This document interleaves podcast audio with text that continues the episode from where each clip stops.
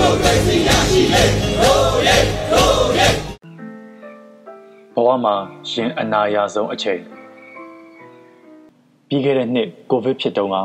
အိမ်တော်မပြန်ပဲအသေးကြီးရုံးပေးခဲ့တဲ့ဆရာဝန်အကိုတယောက် post တင်ထားတာလေးဖတ်ရတယ်ဘဝမှာရှင်အနာရဆုံးအချိန်နဲ့ကိုချင်းစာကြည့်လို့ရတယ်ကိုအကောင်းဆုံးစ조사ပြီးတည်ဆောက်ခဲ့တဲ့အရာတခုတပားသူပေရောကကြောင့်အစိတ်စိတ်အမွားမွား ပြိုလဲပျက်စီးသွားတာကိုဘာမှမတက်နိုင်ပဲထိုင်ကြည့်နေရတဲ့ခံစားချက်မျိုးလေးမိသားစုကိုကူးမှဆိုလို့အိမ်မော်ကနေဆင်းလာကြရပူလောင်အိုက်ဆက်နေတဲ့ PPE တွေကိုဝတ်နေ့စဉ်နဲ့အမျှယောဂပိုးနဲ့နှပန်းလုံးရင်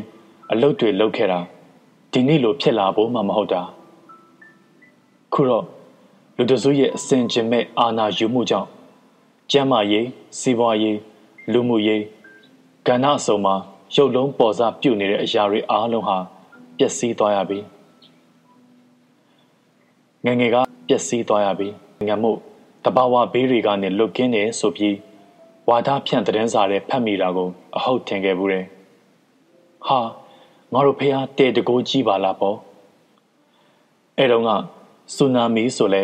ကိုရီနိုင်ငံမပါစားဆိုလဲဒီကိုမရောက်ဖြစ်ခဲ့တာကို နောက်တော့မှဘယ်ဟုတ်မလဲနာကလေးဖြစ်ရောအကုန်အတုံးယုံမယ်နောက်ပိုင်းကျရေမကြီးတဲ့နှစ်ကိုမရှိသလောက်ဖြစ်လာတယ်ဒါဖះရိုက်တာမဟုတ်ဘူးဖះက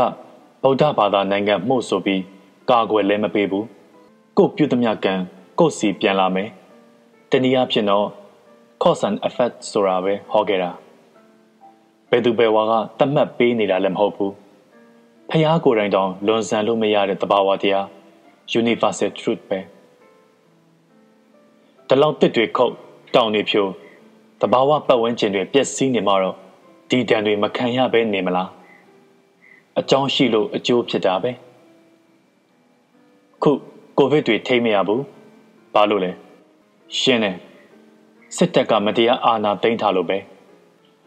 ဘာကာကွယ်ရေးအစီအမံမှ မလုံနိုင်တဲ့အခါ ဒီလိုဖြစ်လာတာပဲဆေးရုံကဆရာဝန်ဆိုတာကုသရေးကဏ္ဍတစ်ခုပဲစစ်ဆေးဖို့အသွာလာကန့်သက်ဖို့စသဖြင့်စသဖြင့်အုတ်ချုပ်ရေးပိုင်းကလောက်ရမှာတွေတပုံကြီး